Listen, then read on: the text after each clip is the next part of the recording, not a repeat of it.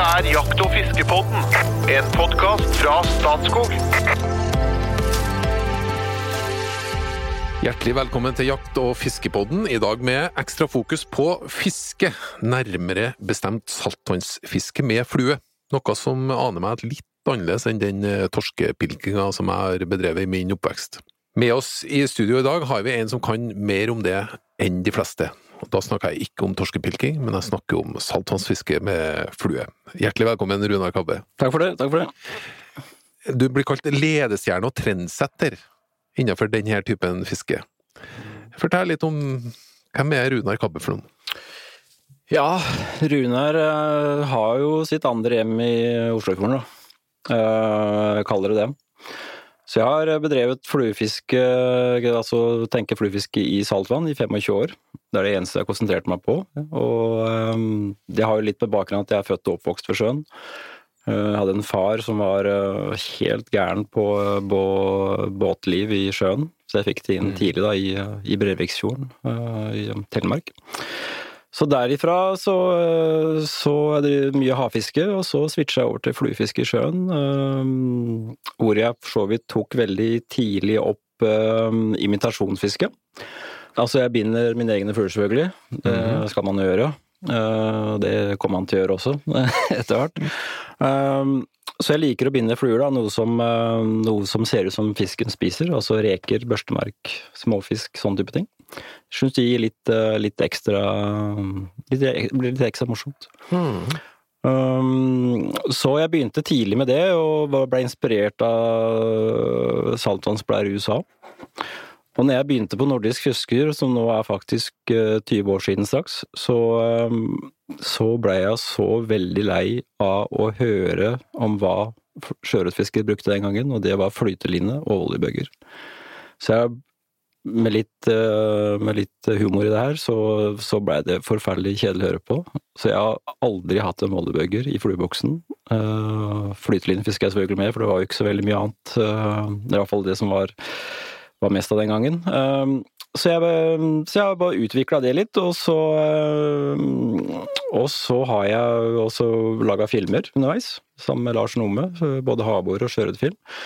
Så jeg har vel på en måte vært med å forme saltvannsfiske litt, der jeg er i dag. uh, uten å Men jeg liker liksom ikke å, å liksom gjøre noe stor sak ut av det, men hvis jeg har gjort det, så er jo det veldig hyggelig, da. Um, vi gjør en stor sak ut av det, for at nå er den falsk beskjeden. Altså, det, er, det, er, det helt riktig, du har holdt på med det i 25 år, og det, det er veldig lenge. For at for 25 år siden så var det en absolutt sannhet at man fiska ikke med flue i sjøen. nei, sant? Ikke sant? Det, det, ikke sant? Det, det var jo akkurat på brekket da det begynte med fluefiske i sjøen. Før det så var jo det altså Det er jo en sånn klassisk kommentar fra en eller annen guru i langt tilbake i tid som sier noe om at fluefiske i sjøen, det er ikke mulig. Men det er jo bare tøys, selvfølgelig. Mm. Ja. Og så eh, kom sjøørretfisket og brakte vei i vellinga på det der sånn. Og der, har du vært med hele veien, så det, det trenger ikke være falsk beskjeden, Runar. Da hadde du ikke vært her. Og, det, og den beskjedne karen som nå kasta seg frempå, det var da Espen Farstad fra Jeger og Fisk. Ja, og jeg har egentlig, det må jeg bare si at jeg har, eh, jeg har egentlig fiska like lenge i sjøen som det du har gjort, Runar, men jeg har jo ikke vært så profilert, og du har jo drevet fram en utvikling. Jeg har jo bare hengt bak og slipstreama liksom bak alle de gode erfaringene som andre har kommet med. Og det har vært en veldig spennende reise, og derfor syns jeg det var veldig, veldig gøy at du kommer til Jakt- og fiskepodden og vil prate med oss om dette. For det er, litt, det er jo litt spesielt, da. Det er jo litt annerledes. Ja da, du tenker på hva saltvannfiske var den gangen. Altså, eh, det var jo, det var jo flere som, som gjorde det, men eh, nå er det jo blitt eh, en veldig stor folkemengde rundt i, i fjordene rundt omkring. Også. Ja. Det er hyggelig. Sjøørreten er den nye torsken, var det noen som sa? Ja, ja, ja, torsken er jo, er jo nærmest borte, dessverre. Men, eh, men, eh, men sjøørreten er eh, kul fisk, absolutt. Mm. Jeg må introdusere sistemann på laget her nå, Jo Inge. Ja, hei. Jo Inge Bresjeberget, fagsjef i Statskog. Eh, Hvordan ser du på fluefiske i sjøen? Det er forholdsvis magert, det må Ja. jeg innrømme. Ja, veldig magert. Jeg er født og oppvokst i Innlandet, på Finnskogen, og det er ikke så mye hav og saltvann og sjøørret der. Men jeg har prøvd, da. Det har jeg gjort. Jeg har prøvd i Oslo, jeg gikk jo på Ås, og da fisker vi. Og det jeg husker eh, den gangen, var at det var, eh, det var mye hindringer langs land. Vi gikk fisker fra land, da. Det var veldig mye hindringer ute på Asker Kongelungen eh, utover her. Med privat og shelter og slike ting. Jeg vet ikke om det blitt noe likere. Folk tauer bort bilene våre. Det var, liksom, det var ikke så lett å komme til den gangen, husker jeg. Men eh, det kan kanskje ha blitt noe likere? Ja, da, jeg er helt enig i det du sier. Oslofjorden er ikke sånn Det er masse steder, men du må vite litt mer om de. Eh, Det er dessverre litt for mye privat, og det er bygd ned til strandsonen og sånt, så det er ikke det er ikke så enkelt å komme fram, og, og man vil jo helst ikke starte turen med å komme opp i en krangel med en eller annen eh, beboer. Da er liksom turen litt ødelagt, syns jeg da. Men, øh, men Vestfold og Østfoldkysten er jo på en måte mye åpnere sånn sett, da. Eh, Men jeg er helt enig i hva du sier. Men Runar, du, du, du fiska tradisjonelt du òg, og så ble du tatt av en fascinasjon. Hva, hva var det som liksom utløste den typen fisking, altså fluefiske på sjøen? Ehm, nei, altså som jeg nevnte, så var det jo saltvannsfiske jeg var veldig opptatt av. Og så kom jeg vel til et slags metningspunkt på havfiske, hvor jeg hadde gjort det mange år. Jeg bodde jo i Porsgrunn, Uh, var på Langesundsbukta helger og, og uh, ukedager. Og hadde veldig mye glede der. Uh, hadde fantastisk flotte opplevelser som tappa seg med de kveitene jeg fikk i 91. Fortell den historien, okay. for det er ja, Dette er også en legendarisk greie. Den Kom, kom med den, altså. Ja, det var eh, faktisk da småbåtfestivalen i Langesund. eh, I 91, da. Så, uh, så jeg fiska med Roar Halvorsen, som hadde en sånn uh, 16 fots Ja, nesten plastjolle. Og vi hadde som mål å få størst mulig fisk. eh, For det er en artskonkurranse. Eh, Så den som vinner, de får flest mulig arter. eh, Og det er poengsystem for det, da. Men vi gikk for eh, storfiskpremien. Så vi hadde, hadde tenkt oss ut på noe som heter Krysset. Som er ganske mange sjømil ut. Ni nautiske sjømil ut. Men det var så mye bølger, så vi stoppa opp på Hogga, som er betydelig lenger inn. Og det var jo et lykketreff, det. Så etter hvert så kjente jeg noen små hogg som godt kunne vært den lange på ti kilo. Men, øh, men øh, det var det da ikke. Det var bare stort og tungt, og det dro av gårde. Så øh, to og en halv time etterpå så fikk jeg opp en kveite på 102,5 kilo. Og det var, den line jeg brukte var ståline den gangen, og den tålte 9,8 kilo. Um, så det er faktisk fortsatt i dag europarekord i sekskilosklassen. Uh, det er sånne regler og sånn, da. Men, uh, men uh, så Taua du inn til land? Jeg må, Nei, altså det, konkret her. Ja, nei, det som, det som ikke? Ja, det som vi ikke tenkte på der og da, vet du, for det koker jo uh, når man ser det svære flaket.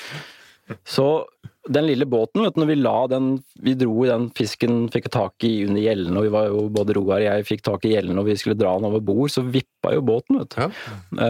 Um, så båten holdt på å ta inn vann. Um, og det vi visste begge to, da, det er at du må alltid legge kveita med den hvite sida opp. Uh, gjør, du, gjør du det omvendt, så, uh, så har du et problem. Uh, I hvert fall i den størrelsen der. Så vi klarte å dra den over, uh, og vi satt på den begge to. uh, og, uh, og fikk tatt uh, livet av den, da.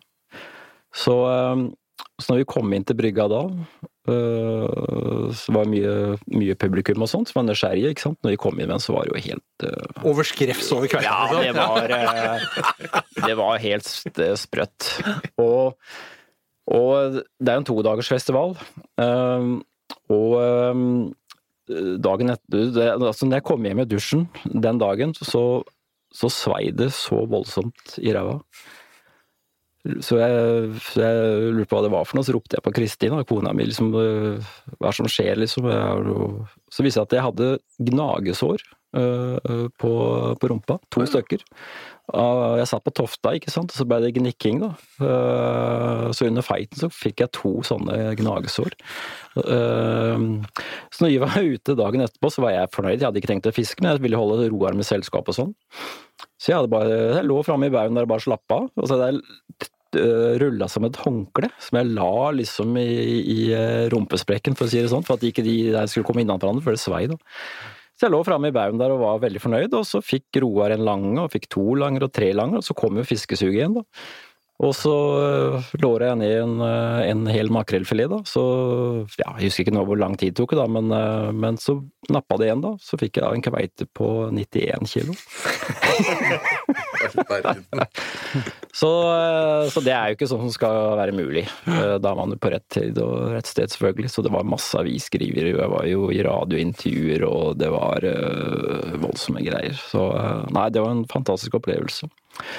Og jeg har fått masse store langer utpå der, og sånn, så, må, så, så kom jeg til liksom at jeg hadde lyst til å prøve noe nytt, da. Um, og da var det For jeg hadde jo drevet litt sånn fluefiske i ferskvann. Um, og så begynte jeg litt med det fluefiske i sjøen, og så, så bare eskalerte det egentlig. Uh, for da var det noe nytt og spennende, ikke sant. Og så Da du starta, var det, var det utbredt? eh? Nei, absolutt ikke. Altså, det var jo utbredt på en, på en måte for noen eh, Jeg vet om flere eh, som, som gjorde saltvannsfluefiske, absolutt, men det var jo ikke så mange. Men de som dreiv det, var veldig dyktige. Det var mitt inntrykk. Jeg kjente noen av de. Um, men eh, men eh, jeg, jeg blei veldig fokusert på det der og begynte å binde fluene tidlig, da, og da, da kommer du inn i en herlig sirkel. Altså, da er det liksom Da blir det, det altså jeg, Når jeg går inn for noe, så er det 100 liksom. Okay, da, er, ja. da er det ikke noe halvveis.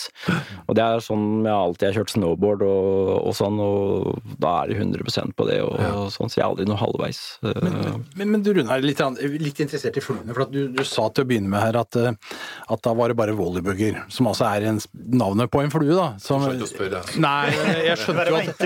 Nei, Du så så spørrende ut, så jeg måtte forklare. Nei, det var, det var en flue. Men poenget er at her, her har det skjedd eh, veldig sånn eh, På ganske kort tid, da, på noen få år, ganske eh, spennende utvikling på fluefronten. Altså, jeg fiska sammen med en god venn av meg den veien, Per Tørmoen, du kjente kanskje han? Ja. Per og jeg fiska mye sammen, og vi hadde på en måte en slags oppskrift på sjøørretfiske på Askelandet. Det var på dagtid. Da var det sild. Da fiska vi med sildeimitasjoner, altså små, lyse, hvite fluer. Sølvbuk kanskje, noe hvit kaninskinn, et eller annet, som vi dro fort i vannet, sånn som en fisk eh, svømmer. Og så fiska vi på natta, og da fiska vi med svarte børstemarkfluer à la Wallerbugger eller noe som ligna noe sonkere eller hva det var. Og det var liksom det vi trengte. Og vi fikk fisk, og holdt på. Mens i dag så er jo bildet helt annerledes. Nå fisker jo folk helt annerledes etter sjøørret. Nå er det liksom eh, kreps og reker og jeg veit ikke hva de holdt på med, liksom. Ja. Eh, Bare for ordens skyld, kaller man det òg flue, eller kaller man det imitasjon, bare? Det er imitasjonsfluer. Ja, imitasjonsfluer er riktig. Eh, ja, det ligner på eh, det ligner på reke, liksom. Ja. og, det, og det finnes jo masse fargekombinasjoner også. Jeg holdt på å si kokte reker og naturelle reker, men men, eh, men, eh, Men når du binder flua, kan det se ut som ei reke etterpå? Det er Ja. egentlig det jeg spør om. ja, okay. Hvis, hvis da jeg binder en rekeflue du ikke ser at det er en rekeflue, da blir jeg veldig skuffa. Ja. Men når du starta, jeg vet ikke om du sa det, men eh, var det type sjøørret Ja, det var sjøørret. Eh, og imitasjoner?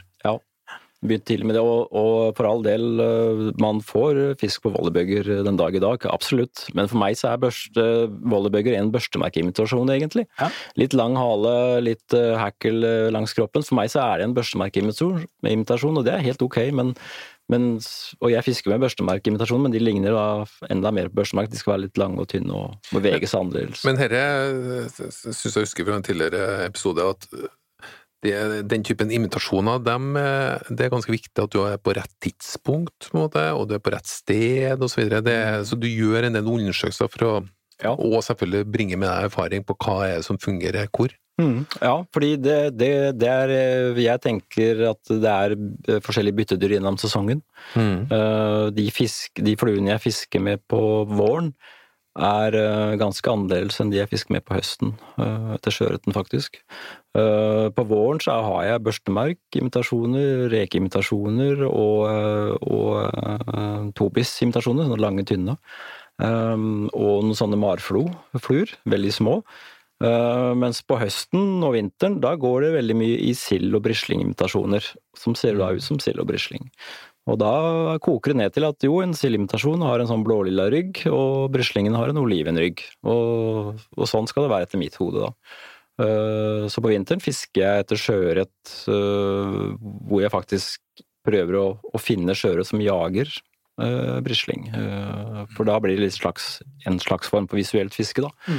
Og det skjer for så vidt hyggelig ofte, det også. Uh, at, og når det smeller på da, så, så har du det som fisken spiser, så Du, du, du sa noe om flytesnøre, Mhm. ikke sant? Det, her, her, det finnes jo da selvfølgelig altså Du sa vi skulle ta dette fra starten av, Trond Gunnar. Ja. Jeg har bare lyst til å si det, da, at, at når du fisker med flue, så er det snøret som er kastevekten, ikke sluken. Ja. Ikke sant? Når du kaster med sluk, så er det liksom en 20 grams sluk som du kaster av gårde. Når du kaster ei flue, så veier den jo i prinsippet nesten ikke noe, så det er det snøret som er kastevekten.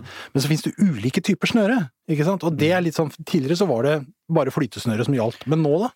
Ja, nå har det skjedd veldig mye på det, da. Eh, fordi eh, før så var det en sånn De Wait weight forward som var veldig da framtunge, eh, vekta langt framme, eh, som han brukte da på, på ørretfiske, eh, på brunørretfiske og tørrfluefiske og, og den slags, så, eh, så eh, brukte man jo det også i sjøen.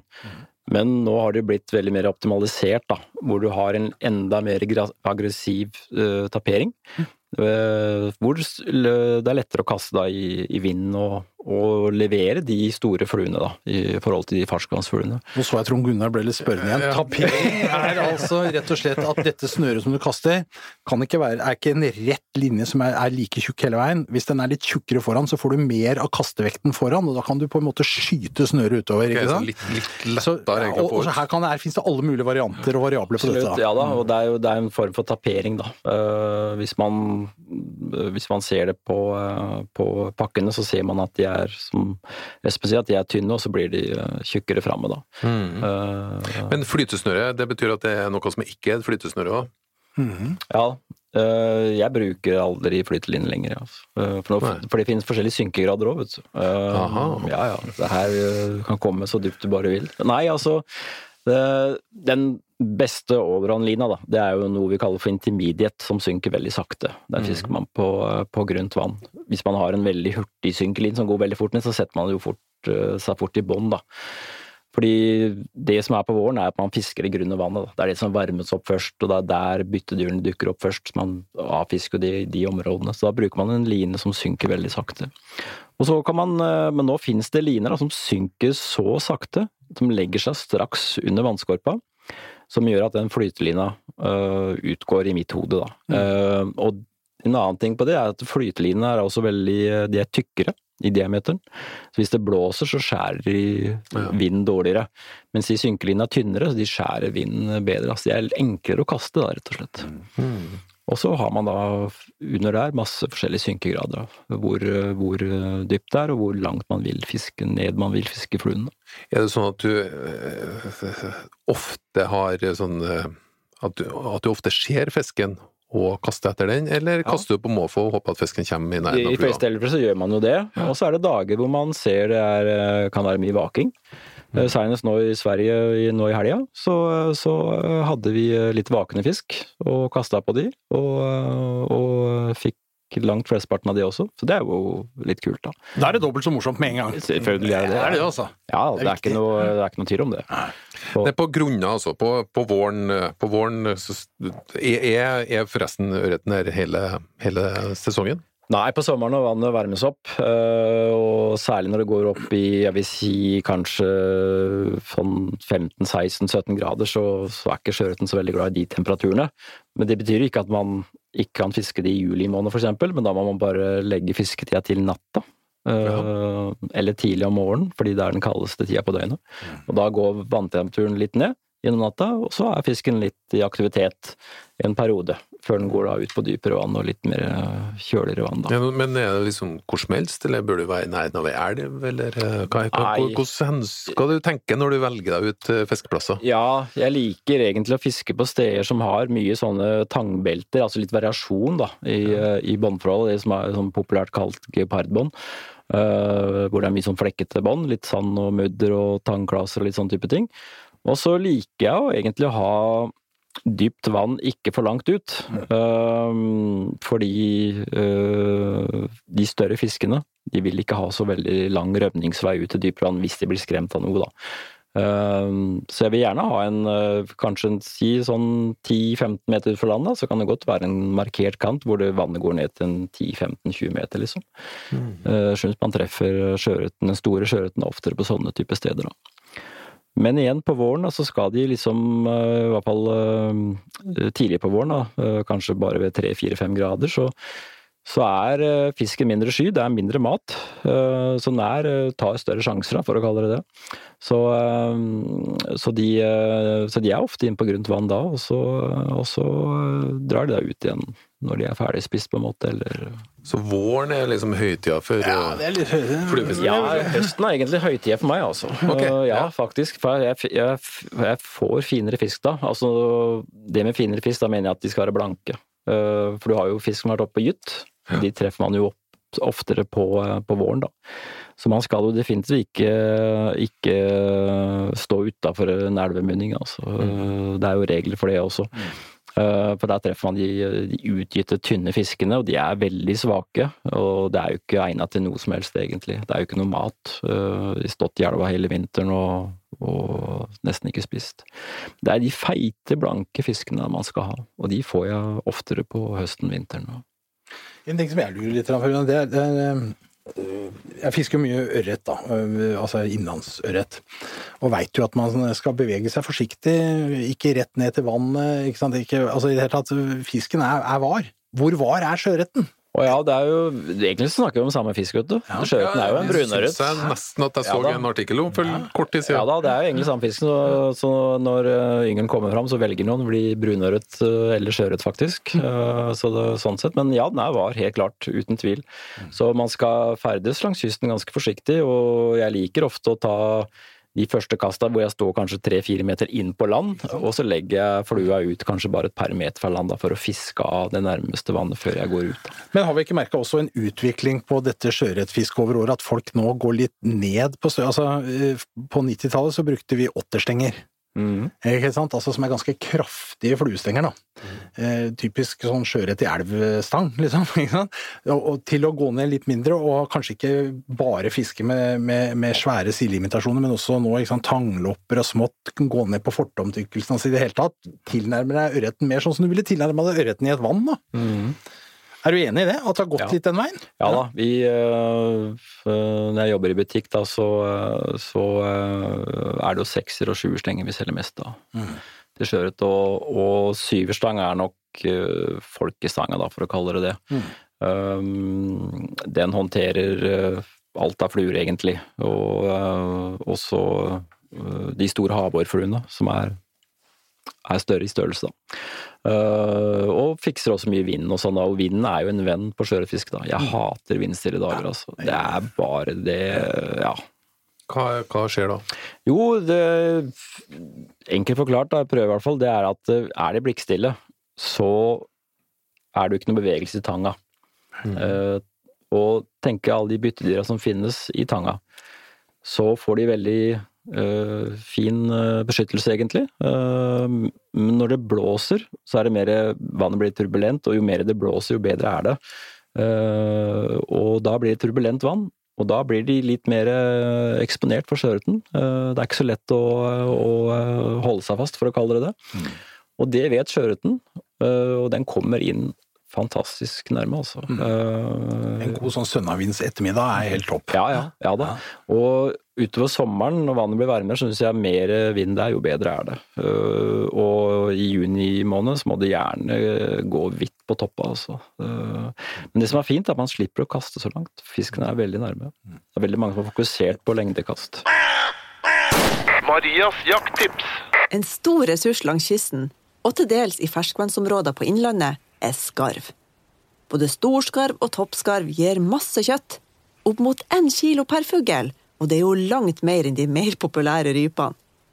Kjøttet der kan du bruke nesten som storfe eller elgkjøtt, og smake en blanding mellom det her og hval. Skjær deg endelig bare ut mens skrotten er varm, for da unngår du transmak. Får vi masse skarv, så maler vi kjøttet og bruker det i pizza, eller lager skarvkjøttkake. Og jakt på skarv kan være riktig spennende, men du bør ha litt skytetrening. De suser av gårde i 60 km i timen, og skadeskyter du, så er de raske til å dukke. Selv om skarver er sosiale og temmes av fiskere i andre deler av verden for å fiske for seg, så er de sky når du skal jage dem. Kamufler det godt og sett det på vent der de kommer inn for natta. Skittjakt. Jeg heter Rune. Jeg har jo har gitt ut en film med havabbørfiske. Og som Espen sa i stad, det var jo i min spede ungdom så var det type det med å fiske med flue i saltvann. Det var jo nærmest det var jo utenkelig. Det var ikke noe han drev på med. Men uh, her er fascinasjonen av havabber. Hvorfor Herfor havabber. Ja, altså det Når jeg flytta inn til Oslo, så eh, så eh, leste jeg en artikkel i Jakt og fiske med Knut Lunder eh, om havbor. Og jeg visste ikke hva det var, eller på hva det her for noe, liksom. Så eh, det måtte jo forskes ut. Uh, Og så var jeg så heldig å møte Knut Lunder på en tur. Og fordi havbordfiske var jo det var jo veldig mystisk, uh, egentlig. Uh, man visste jo fint lite, jeg visste jo ingenting. Jeg gikk jo langs land og hadde jo flere turer hvor jeg ikke fikk noe. Og hadde egentlig mye spørsmål og lite svar, da. Uh, I dag er det jo YouTube, og det er jo mye enklere. Men uh, etter noen turer så traff jeg Knut Lunder, og, så, uh, og han hadde fiska abbor noen år. Han fiska mye med wobbler og, og sluk og sånn. Men hadde litt kunnskap om det, så vi dro sammen, og så fikk jeg en abbor. Ganske liten en. Så ble jeg også overraska over hvor sterk den var. Så liten. Var, vi snakker en sånn halv seks hektos fisk, liksom. Bare sånn jøss, så sterk. Og så husker jeg høsten uh, 96, var det vel. Da, den gangen så snekra jeg jo. Så, øh, og da var jeg jo ferdig øh, tidlig på, på jobben. Slutta jo tre på fredagen. Så da dro jeg til kysten, og så var det Det her var i oktober måned. Og da fikk jeg en på 1,7 kilo. Og da var jeg helt ferdig. eh, altså, i fluefiskeverdenen, altså det å se backing, det er liksom et høydepunkt, da. Altså at, man har et utras, ikke sant. Fisken er så sterk at den drar av gårde med hele fluesnøret, som er sånn ca. 30 meter langt, og så kommer du inn på den der forsikringa som du har bakerst i form av et tynt snøre. Ikke sant? Ja, det skjer ikke så ofte, skjønner du. Nei, på sjøørretfiske skjer det nesten aldri. For det som er kult med abboren, er at den svømmer jo utover, mens sjøørreten har en som kommer mot, da. Som jeg aldri har skjønt noe av. Men, eh, og da så jeg faktisk en del eh, backing, og på høsten da så var de jo så spreke i tillegg. Eller de er ikke så spreke fordi jeg feitas opp eh, og sånn, så Og da var jeg, da var jeg helt solgt. Og da, da var det all in på det, da. Men det er jo ikke, det er jo ikke noe vårfisk, det er jo et fiske som starter i juni, da. Veldig sånn vanntemperaturstyrt. Så, så jeg starter normalt havbårsesongen i juni, avhengig av hvor varmt det er. I fjor fikk jeg faktisk den første havbåren 20. mai. Uh, og jeg starter alltid på kvelden, for da er det varmest. Uh, så det er veldig tidlig. Men normalt så starter det fisket opp i juni. Men her snakker vi fiskeimitasjoner. Ganske ja, rask bevegelse i vannet, ikke sant? Definitivt, ja, da. Jeg fisker med mye større fluer enn en sjøørreten. Store fiskeimitasjoner, og kun fiskeimitasjoner. Og de kan være 14-15 cm lange. Og det som jeg har opplevd over flere år, er at jeg, det virker som havbjørn blir trigga av store fluer. Den første, den første fisken jeg fikk i fjor, altså det var en fisk på For de minste kom jo først. Og, og da snakker vi sånn 4-5-6 hekto. Og den dro jo på en sånn 15 cm sånn flatwing-flue, da. Uh, bare jafsa over.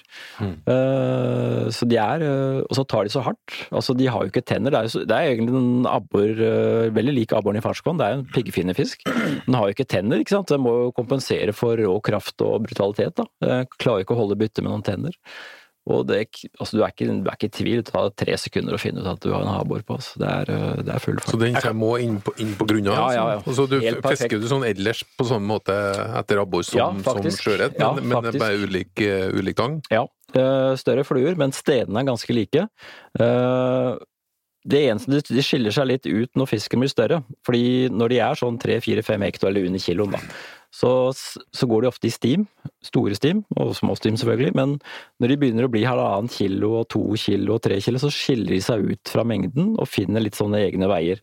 Og da legger jeg vekt på at det er litt sånn litt ekstra eh, litt, etter fjellformasjoner og litt sånn mer kupert terreng, da.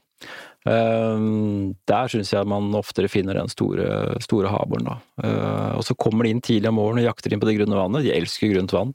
Eh, kommer inn tidlig om morgenen, og da er jeg oppe klokka tre om natta og drar ut. Og fisker fram til ni. Da er beste fisk det er over. Okay. Ja. Og da kan man dra på jobb, eller dra hjem og spise rekke frokosten med kona, kanskje. Så har man fått den beste fisketida. Men, øh, men øh, Og de er ikke vanskelige da, altså. Øh, Når jeg er inne og spiser og jakter, så jeg, må bare liksom, du, du, du prater om dette, Runar, og jeg skjønner at det er, vi er inne på noe entusiasme hos deg her på dette her, sånn, og det kan jeg bare skrive. Jeg har vært ute og fiska havabbor sjøl, og den derre opplevelsen når du har fiska sjøørret i mange år, og så plutselig en dag så klanker det på en havabbor da etter at du har holdt på litt, liksom. Altså for det første så, for det første så har den ikke, den, har ikke, den er jo ikke sølvblank som en sjøørret. Den gir en sånn der grå, mørk eh, f- skyggegreie i vannet, liksom, når du ser den. Og så en power uten like, altså! Det er akkurat som det eksploderer i stanga når du får en ordentlig havabbor. Ja, det er, og du virker, altså du, vi snakker ordentlig sånn hjertefølelse. altså. Liksom, ikke sant? Å, fy er det mulig, liksom? Ikke sant? Ja, ja, ja. ja. Altså, øh, jeg husker en episode hvor jeg var på Fornebulandet en kveld, og så var det bare en øh, like før det ble mørkt og sånn, og så sto det en kar bortenfor, og så hørte jeg snella hans gikk, da. øh, Litt utras og sånn. Øh, Så jeg så lett at det var en grei kurve på stanga hans, da, så jeg skjønte jo, jeg skjønte jo med en gang hva det var. Og så ropte han over og lurte på om jeg hadde håv. Nei, jeg har ikke det, sier jeg. Øh, Men øh, jeg kan hjelpe deg hvis du trenger Ja, jeg har på min livs sjøørret, sier han. Det er, ikke under, det er ikke fisk under fem kilo, sier han. Ok, jeg kommer bort. For jeg bruker ikke håv på havbåren. Veldig sjeldent. I hvert fall ikke fra land, da. Så gikk jeg ut på det skjæret han sto på, da, så jeg, jeg sa ingenting. Jeg visste hva det var. Og han snakka om den svære sjøørreten hele tida. Så kommer den fisken inn, da, og da er det en havabbor på rundt halvannen kilo. Ja. Han blei helt satt ut. uh, han visste ikke hva det var heller. Ja, ble han skuffa? Ja, han ble skuffa, Han ble men, skuffa? han var skuffa, men det var, han blei samtidig ja, etterpå måtte han jo si at det her var jo spreke saker, da. Så det er en litt sånn halvskjult uh, fiskeskatt, nærmest? Eller?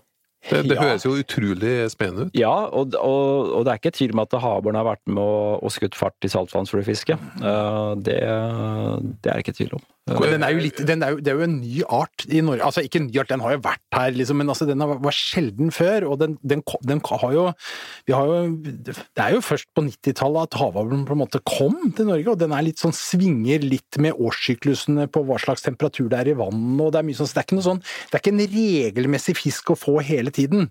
Nei. Kanskje for deg, da, men for oss andre er det ikke det. Nei. Nei, jeg har definitivt bomturer, eh, klart det. Men, eh, men, eh, men jeg får hyggelig Det er ikke mange bomturer gjennom sesongen, altså. Nei, Er det er det god mat? dessverre. Er du sånn catch and release-mann? Ja, jeg er det, altså. Ja, men du har nok fisk til middag, liksom? Nei, du, vet du hva, altså Jeg er glad i fisk, men jeg har sjelden fisk hjemme, da. Eh, Det er sjelden jeg tar med fisk hjem, faktisk. Men Og det der, eh, det der er litt eh, rart, egentlig, fordi altså eh, Man fisker jo ikke for maten heller, da. Det er jo spenning av det. Og så, og så Og spesielt havbåren, så har jeg fått et veldig spesielt forhold til den, da. Uh, og i starten uh, på fisket mitt så, så tok jeg med en fisk hjem. Fikk jeg tre, så kunne jeg ta med en hjem. Uh, og kona var jo superfornøyd, for det er jo dritbra matfisk, må jo si det. Eh, dyr mat på restauranter og sånn. Og etter hvert da, så, så klarte jeg ikke å ta livet av han, da. Eh, så jeg satt litt tilbake igjen. Og så lurte jo Kristin på liksom, hvor ble fisken av, liksom. Og så nei, jeg ble bomtur i dag. Og neste tur ble det bomtur, og neste tur ble det bomtur. Og så kom jo Havbor-filmen, da, og da Dette er en sportsfiskers utvikling. I tidlig i karrieren så ljuger man på seg fisk. Når det kommer langt utpå, så ljuger man fra seg fisk. Nei, jeg fikk ikke noe. Ja, det er en klassiker, det der, altså. Og svigerforeldrene mine er jo akkurat det samme, da. De skjønner jo ikke det greiene her, altså. Men det er, det er, vanskelig å forklare, men, men Og jeg og kan si man leker med livet, og det er jo en debatt det òg, selvfølgelig, men, men jeg klemmer ned mottakerne på fluene og gjør det raskest mulig, og jeg tenker at uh, fisken får uh, svømme tilbake, så er den happy, og, og jeg er happy, liksom. Så Jeg har sett noen som står og fisker med flue i nærheten av hytta vi har uh, på Sørlandet. Er, er dette en aktivitet som er gangbar i hele Norge? Altså fra ja. Kristiansand til Ja, altså Vardø. Øh, kan man vel grovt sett øh, si at det er et uh, fiske som foregår fra Bergen og litt nord på Bergen og, og helt ned i Østfold, egentlig. Men jeg vet om havbår som er tatt opp i Bodø. Uh, ikke mange, men forekommet. Sjøørreten går hele veien. Sjøørreten, ja da. Den Ja. finner man langs hele kysten. Og vi, og vi har jo ikke engang snakka om altså, at det finnes jo mange andre arter vi kan fiske. Altså lyr, for eksempel, som er en sånn pelagisk levende, jage, jagende fisk, som kan bli tre-fire kilo ikke sant, å få på fluestang. Det er klart dette er spennende. Ja da, og faktisk, når du sier det, altså jeg har gjerne noen turer på Lyr. Eh, litt på våren, mai måned. Og, eller ut i eh, oktober-november. Vi sitter i en pongtongbåten og fisker fiskefarkost. Kan jeg fiske noen grunner eh, ute i fjorden. Eh, det kan være sånn åtte-ti meter eh, grunner, og så er det 50 meter rundt. Det er jo fantastiske lyrplasser. Og eh, lyren er jo Det er jo veldig eh, Det er en fisk man ikke blir klok på, egentlig. Sånn i, Når den tar, så er den helt i ja, tar mye line og sånn, og så plutselig gir den seg helt, og så tror du at den er gitt seg alt, og så plutselig så setter den til igjen. Veldig sånn uforutsigbar eh, fisk, egentlig. Skjærer litt karakteristisk ja, til sida. absolutt. Ja. ja, Men en veldig morsom fisk. Ja. Uh, og da er man inne på sånne heftige synkelinjer igjen, da. Så vi snakka litt om liner, eh, og da er jeg på liner som virkelig går ned, altså. Sånn tungstenstøv, da, hvor de linene er, er lagt inn, da. Eh, så de synker ganske fort. Og det er litt spesielt å sette flua fast på ti meters dyp. Eh, Jeg har gjort det. Så det er litt eh, Man kan fiske fluene dypt, altså. Det er Vi nærmer, vi nærmer oss en liten landing, men jeg tenker dem, dem som sitter der, Det er utrolig spennende å høre på deg. Og, og, og du har en veldig sånn Du bare øser ut av kunnskap, og det kommer liksom på løpende bånd. De som kanskje har fått en liten inspirasjon og har lyst til å prøve dette fisket, de finner sannsynligvis mye informasjon selvfølgelig på nettet hvis de søker der, men hvordan, hvordan, går man enklest mulig frem for å Nei, Når det det man- gjelder utstyr, og må man ha fiskekort for dette, osv.? Nei da, øh, fiske i sjøen er jo fritt, gratis. Um, Men det å, det å, å, gjøre noen Google-søk og sånn, så finner man utrolig mye. Og ja, hvis man går inn på YouTube, og så søker man opp Eivind Bærulfsen. Uh, han har laga veldig mange sånne filmsnutter, sånn rundt en halvtimes tid. Hvor han egentlig gir litt tips, og man får litt sånn, eh, får litt sånn eh, innspill. Eh, Og så ville jeg egentlig eh, kanskje tatt kontakt med Fordi når du går inn på, på Google og søker opp, så kommer det opp veldig mye. Mm. Og hvis man skal seg, forholde seg til alle som har noe å mene om det her, så blir det ganske forvirrende. Um, så hvis man kan uh, ja, enten oppsøke en butikk som man, man har kunnskap om det, eller en person som har kunnskap om det, så forholde seg til én eller to personer, liksom. Fordi alle har så mye meninger, og da blir det veldig forvirrende. Um, Jeg, jeg vet om en annen som er veldig god på det der òg, som når Ja. du først nevner det, og det er en som kaller seg rosareke.no. ja. Han holder til på Hvaler. Han har kartlagt hele Hvaler, legger ut alle fiskeplassene med kart og bilder, og forklarer denne bukta, her er det en brattkant, her er det fint på sønnavind, prøv her på tidlig på året. Altså, altså han deler alt han kan på en måte rundt Hvaler, og det er så mange fiskemuligheter der, så det blir ikke noe trengsel allikevel. Og Jeg syns det er en veldig hyggelig og positiv måte, og masse lærerikt stoff på utstyr, både flue og, og også litt sånn bombardafiske med altså, ulike andre varianter, da. Så Er det, rosareke, det er et godt tips. er det kostbart å komme i gang? liksom? Nei, For- det for å ja, var, var kostbart. Det er eh, Nei. eh, Jeg syns vel egentlig ikke det. Eh, Men det også er litt viktig, den denne utstyrsdelen. Altså, snella betyr jo ingenting, egentlig. Den skal bare oppvare lina og, og den slags. Så hvis man har en pott penger da, å bruke det her, Mhm. så ville jeg brukt minst penger på snella. Men det som er viktig, det er at uh, snøret uh, passer stanga. At det, det er ganske viktig. Ja. Fordi det er litt som Litt som eh, enkelt, prøve å forklare det enkelt med at hvis man har en, en eh, kasteslukstang da, som har kastevekt opp til 60 gram, og hvis du skal prøve å kaste 10 gram sluk med den, så blir det vanskelig. Man får ikke de beste fiskelengdene, egentlig. Men så det der er, eh, at line og stang passer, det, det er det viktigste, eh, faktisk. Det gjelder all fluefiske, altså, selvfølgelig, men Mm. ikke bare sjøørretfiske. Men det er også, vi har jo laga en film om sjøørret, da. Salt, fluer, sjø, salt eh, sjøørret på flue. Og den, og, og den eh, ble jo kåra til mest å lære, faktisk her for noen år siden. Og den finnes jo ikke i handel lenger, det er DVD, man kan leie inn på nett. Eh, og der, det er jo en film som egentlig er en introduksjonsfilm, som tar for seg hele sesongen. Eh, som, det, som det er også enkelt å få tak i, egentlig. Mm.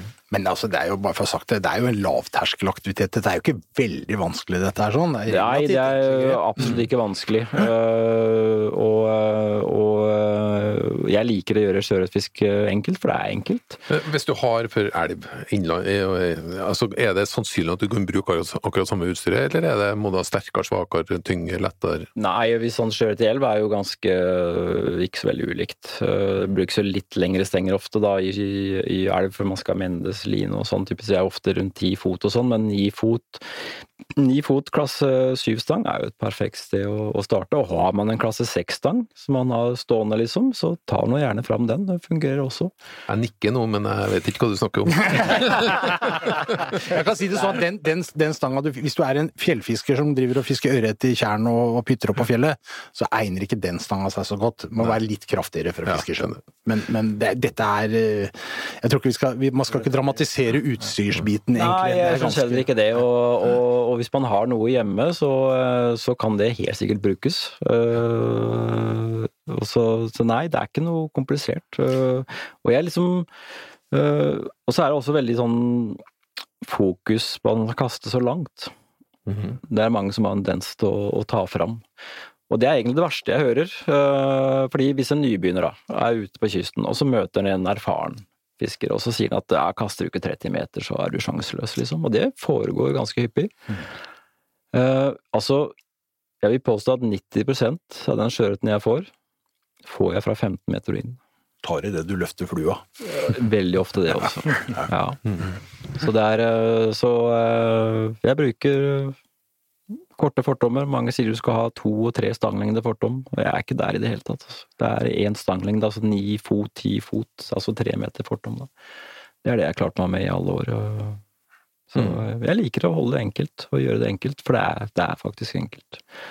Så det er øh, altså ikke minst å være ute, da. Øh, altså vi er jo ute i naturen nå, skal ikke glemme det. Øh, før, når du var liksom 16-17-18 år, så måtte man jo, hvis man hadde en bomtur, så måtte man jo hjem og finne ut av hvorfor man ikke fikk fisk, og skrev ned ting og på en måte liksom Men når man blir eldre, så setter man jo pris på å være ute mer enn den gangen, liksom. Få med seg hele Man legger mer merke til ting, egentlig. Jeg kjenner at uh, dette var eh, vel investert eh, tid å høre om uh, fluefiske til sjøs. Det syns jeg var veldig interessant. Jeg er jo helt på grensa til inspirert. og Dette tror jeg at jeg skal prøve. Tusen hjertelig takk for besøket. Ja, selv takk. Og da tror jeg Jakt- og fiskepodden drar til sjøs. Takk for i dag.